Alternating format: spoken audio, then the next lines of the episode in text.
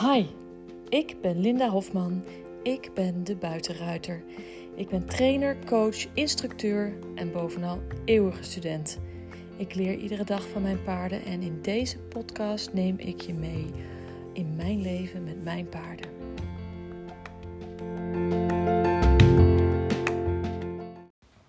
Goedemorgen. Nou, het is al bijna middag, het is kwart over elf, dus eigenlijk uh, ben ik rijkelijk laat. Ik ben gewoon de tijd vergeten vanochtend, dus uh, ik ben helemaal vergeten dat ik nog een uh, podcastaflevering moest opnemen. Um, maar waar ik het wel graag over wilde hebben vandaag, want dat had ik wel bedacht, is over hoeveel contact je nou eigenlijk moet hebben met de teugels en bit. Gisteren zat ik naar een uh, live video te luisteren van uh, Katrien Vodstad. Hè, nadat ik gisteren de podcast interview met haar heb gedaan. Die heb je misschien nog geluisterd. Dan, als je dat niet hebt gedaan, uh, neem daar even tijd voor. Want het is wel een hele interessante. Maar zij had ook een, een, een, live. Ze doet eens in zoveel tijd doet zij een live uitzending op haar Facebook kanaal. Dat openbaar is voor iedereen. En daar ging het over uh, het harnassement. En hoeveel contact je nou eigenlijk moet hebben met het bit. En je moet helemaal niet zoveel contact hebben met het bit. Je moet alleen maar contact hebben met het bit op, op het moment dat je iets van je paard vraagt. Net zoals dat je uh, niet constante beenhulpen geeft, alleen op het moment dat je iets van je paard vraagt. En dat brengt me dan terug bij een, denk een paar maanden geleden. Toen uh, was er iemand bij ons op stal. Uh, die ging naar een crossles. En iemand anders die was bij die crossles gaan kijken. En degene die in de crossles meereed, die kreeg als commentaar van de instructeur dat ze de teugels op maat moest houden en niet met van die waslijnen moest rijden. Omdat ze nou een keer de paard moest gaan rijden. En degene die stond te kijken, die vond dat wel grappig, want die vond dat ook. Die vond ook dat jij met contact op het bit moet rijden. En mijn ervaring is het dat hoe meer contact je op het bit hebt aan de lopende band, hoe minder je paard reageert op hulp van het bit. Hoe meer die gaat hangen in het bit.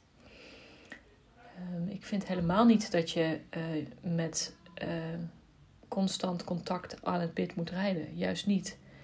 Hoe langer je met, met hoe langer de teugel is, hoe makkelijker het is voor het paard om te reageren en te anticiperen op het um, op maat maken van de teugels. En um, als Katrien daarover praat, dan gaat het over de slack in the line, hè, de slack in the range. Um, dus de, de boog in de teugels. Maar je paard merkt het namelijk heel goed. Op het moment dat jij de teugels iets korter neemt, dan voelt het paard al dat er minder boog in die teugels is.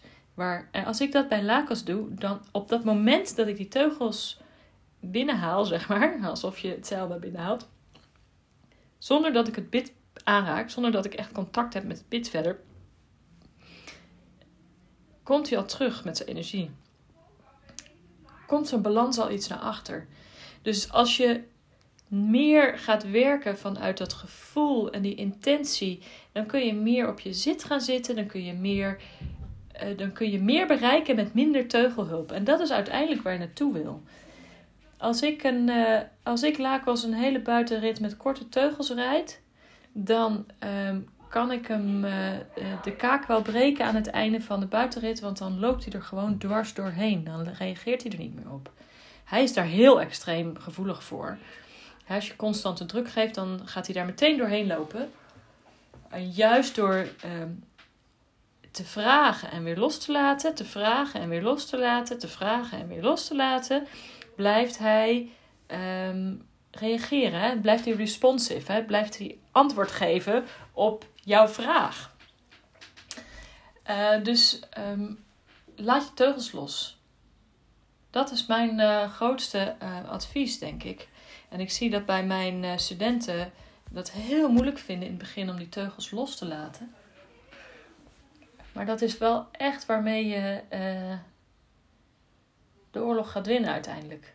Want als jij een paard hebt dat reageert op jouw hulpen zonder constante druk, dan kun je je paard ook gaan rijden op een nekroop. Want op een nekroop moeten ze ook reageren uh, zonder constante druk, zonder constant dat jij iets vraagt of ze micromanaged. Um, dus door ze veel meer de verantwoordelijkheid te geven voor hun eigen ehm, tempo en tact.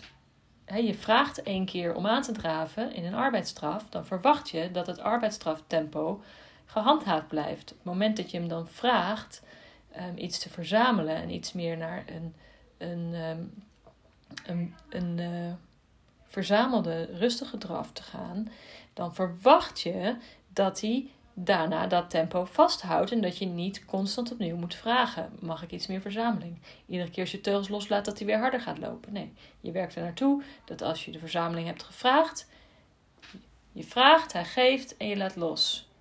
En dat betekent niet dat je laat los en dan gaat hij weer rennen. Nee, blijft hij, hij blijft dan dat doorzetten totdat jij met je beenhulp vraagt om iets meer uh, voorwaarts te gaan.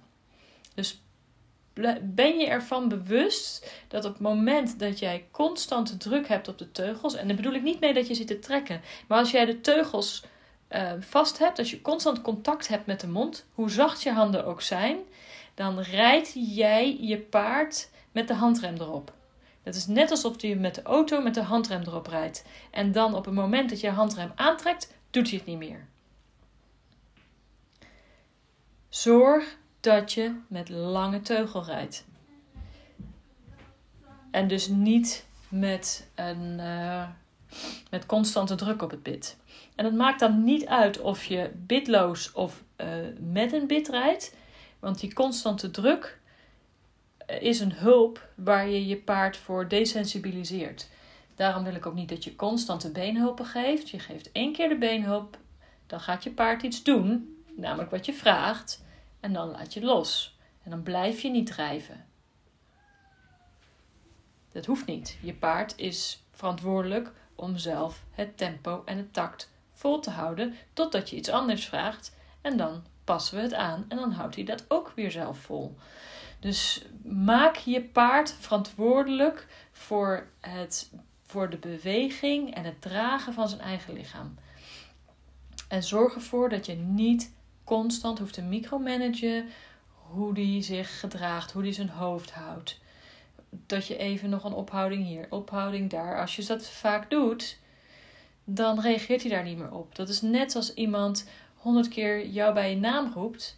En dan, dan de 101ste keer, oh, zeg 100, 101ste keer, de 101ste keer, dat ik wel zeg, klinkt heel raar. De 101ste keer uh, reageer je niet meer, maar dan was een noodgeval en moest je wel reageren. Snap je? Want je, je bent al zo murf en dat is wat je met je paard doet. Je maakt je paard murf door constant contact te houden met zijn mond. Het is niet oké om constant contact te houden met zijn mond. Als dat nodig is, omdat je paard niet zelfstandig kan bewegen, dan moet je een stap terug en dan moet je dat oplossen. dan zit het of bij jou dat jij uit balans bent, je paard uit balans brengt en te veel zit te drijven of te, juist te veel zit tegen te houden met je zit. Of het zadel ligt niet goed. Of je hebt in het verleden zoveel hulp gegeven dat hij er mur voor is en dat hij nu eerst weer moet leren te reageren op geen hulpen en zelfstandig eh, zijn lichaam te dragen, maar ga ermee aan het werk. Ga het oplossen. Constant contact met de mond is niet nodig om een paard te rijden. En juist de mensen die met lange teugel kunnen rijden, kunnen sturen, die kunnen in no time met een nekroop rijden. Want die, hebben de, die gebruiken hun zit, die gebruiken de indirecte teugel van die nekroop die hè, dus de buitenteugel die dan tegen de hals gelegd wordt om te sturen. En die zitten niet de hele tijd aan het bit te trekken. Dus zorg ervoor dat je paard gaat antwoorden op jouw vraag. Kleine vragen stellen, wachten op het antwoord. Maar de vraag wel blijven stellen tot het antwoord komt en dan loslaten. Dus net zoals met je beenhulp, als die niet reageert, spoor aan met je binnenbeen, tik, tik, tik, tik, tik, tik, tik, totdat hij reageert en dan stop je. Dan geef je hem de release en dan ga je niet blijven drijven. dat is de enige manier om er doorheen te komen en ze weer reactief te maken. Veel overgangen rijden en je paard de verantwoordelijkheid geven om in een constant tempo te rijden. En door dat te doen, door de teugels los te laten, je paard in een constant tempo te rijden, gaat hij zich versnellen met losse teugels. Dan vraag je hem terug. Komt hij terug, laat je los. Gaat hij dan weer versnellen, vraag je hem terug. Komt hij terug, laat je los. Dus net zo lang totdat je paard zich gaat realiseren dat het makkelijker is om hetzelfde tempo aan te houden, want dan vraag je hem niks meer. Maar je moet het misschien wel honderd keer doen.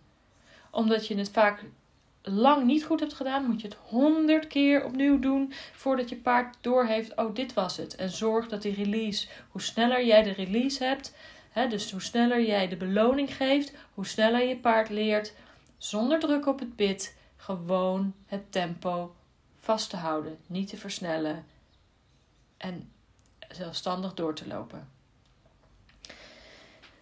Dus, dat was het voor vandaag. Um, Verder heb ik uh, flink zitten klooien achter de schermen met een nieuw uh, e-mailprogramma waarin ik mijn nieuwsbrieven stuur. Dus ik geloof dat ik nu alles op de rit heb. Ik heb daar ook een, uh, een automation, zoals ze dat noemen, in gemaakt. Dus als jij je inschrijft voor de nieuwsbrief, dan uh, krijg je een welkomstmail. En ehm, als je die niet hebt geopend, dan krijg je hem na twee dagen nog een keer van: Hey, hallo, had je mijn welkomstmail wel gezien? Dus om zeker te weten dat de berichten ook echt aankomen. Want anders komt die nieuwsbrief ook in de spamfolder terecht. Ehm, dus dat heb ik allemaal opgezet. Ik heb alle e-mailadressen overgezet van de oude naar de nieuwe. Ehm, ik heb twee nieuwe mensen toegevoegd. En ja, dus dat moet, uh, dat moet lekker gaan, uh, weer gaan lopen. Het is echt de bedoeling dat ik iedere vrijdag een uh, e-mail stuur met alle updates van de afgelopen week. Daar ben ik niet zo super consistent in geweest. Er zijn wel eens weken dat ik oversla of dat ik op zondag bedenk: oh jee, dat heb ik nog niet gedaan. En dan stuur ik hem alsnog. ik ga proberen daar, uh, daar consistenter in te worden. Ik vind dat ik met de podcast super goed bezig ben. Iedere dag. En het is me tot nu toe dus ook nog gelukt om iedere ochtend uh, iets op te nemen. Behalve de dagen dat ik in Duitsland zat. Maar goed, dat is oké. Um, ja, dus vind je het leuk om uh, een update te vangen, ontvangen en weten wat er achter de schermen gebeurt en de foto's van Ponykamp van komende week bijvoorbeeld, schrijf je dan in voor de nieuwsbrief. Daar deel ik dingen. Ik deel ook wel wat op Instagram, maar daar ga ik wat minder diep op de materie in. Uh, nieuwsbrief is altijd net even, net even wat meer ruimte om echt wat te schrijven en wat te laten zien. En uh, aanstaande zondag, dus dat is morgen, is er ook weer een live masterclass op YouTube. En deze keer gaat het over ehm, stalling en huisvesting. Dus als je het leuk vindt, morgen om 12 uur, dus morgen zondag, zon, iedere eerste zondag van de maand om 12 uur is er een live masterclass op YouTube. En daar kun je in de chat vragen stellen. En ik vind het hartstikke leuk als je erbij bent, anders zit ik tegen een scherm te praten. Dus niet iedereen is er altijd bij. En er wordt regelmatig dat uh, achteraf nog heel veel meer bekeken wordt dan op het moment zelf. Maar ik vind het altijd heel fijn als er mensen online bij zijn. Dat geeft mij in ieder geval het idee dat ik niet helemaal uh, voor Jan met korte achternaam uh, die live masterclass op zit te nemen. Dus gewoon fijn als je weet dat er iemand aan de andere kant zit. Ik weet ook dat het niet altijd een handig tijdstip is, want zondag om 12 uur is natuurlijk de tijd dat veel mensen bij een paard zijn. Dus als je er niet bij kan zijn, kijk hem dan naderhand alsnog. Uh, verder heb ik uh, leuke pakketjes gemaakt voor de dames die meegaan op ponykamp. de mensen van Nieuwsbrief, de mensen die me volgen op Instagram, die hebben inmiddels gezien hoe het nieuwe de Buitenruiter Ponykamp polo shirt eruit ziet. Maar daar krijgen ze dus, Mariette en Annelies gaan mee, die, die krijgen allebei zo'n polo shirt. Die krijgen ook nog een leuk pakketje met wat lekkers voor paard en een leuke verrassing. Dus, um, dat.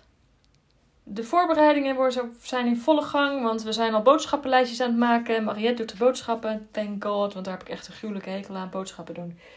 Um, dus uh, Mariette doet de boodschappen. We koken allemaal één avond. En één avond gaan we gewoon lekker friet halen. Yay. Moet ook af en toe makkelijk zijn. Ik uh, neem uh, mijn verzameling paardenboeken mee. Ehm, zodat we die ook kunnen lezen. Ik geef iedere dag les. Een half uur in de binnenbak. En wij gaan iedere dag buiten rijden. En op woensdag gaan we ook een dagtocht maken met de buitenrit. Dus allemaal super behapbaar. We gaan geen uh, gekke dingen doen. Um, we passen ons aan aan degene die het meest beginner is en het minst goed kan rijden. Of ziek, zwak, misselijk of vermoeid is. Want we gaan voor de lol en niet voor de kilometers. Dus um, vind je het trouwens leuk idee om ook een keer mee te gaan op Ponykamp, maar uh, gaat het deze keer niet? Mail me dan even, want ik ga een uh, speciale wachtlijst maken voor mensen die daar interesse in hebben. Dan kan ik je op de hoogte houden en dan hoef ik niet iedereen in mijn nieuwsbrief uh, plat te gooien met... Uh, hey, leuk, wil je ook mee op ponykamp? Er zijn natuurlijk altijd mensen die dat helemaal geen barst interesseert. dus als jij heel graag mee wil op ponykamp, laat me dan even weten. Dan zet ik jou op een speciale wachtlijst... En daar ga ik ook nog wel eventjes een link voor op mijn website zetten. Op, uh, maar die staat er nog niet. Maar die moet ik er dus ook nog even opzetten. Oh, dat moet ik even opschrijven. Link, website, Ponykamp. Want dat moet ik dan even doen. en ik zit nu achter de computer en je hoort mij schrijven. Want de telefoon ligt op het bureau. Uh, dus ik heb het opgeschreven. Dat ga ik zo direct doen. En dan heb ik straks uh, ga ik lesgeven. Alright, ladies. Tot morgen. En dan hoop ik dat ik er iets vroeger bij ben. Doeg!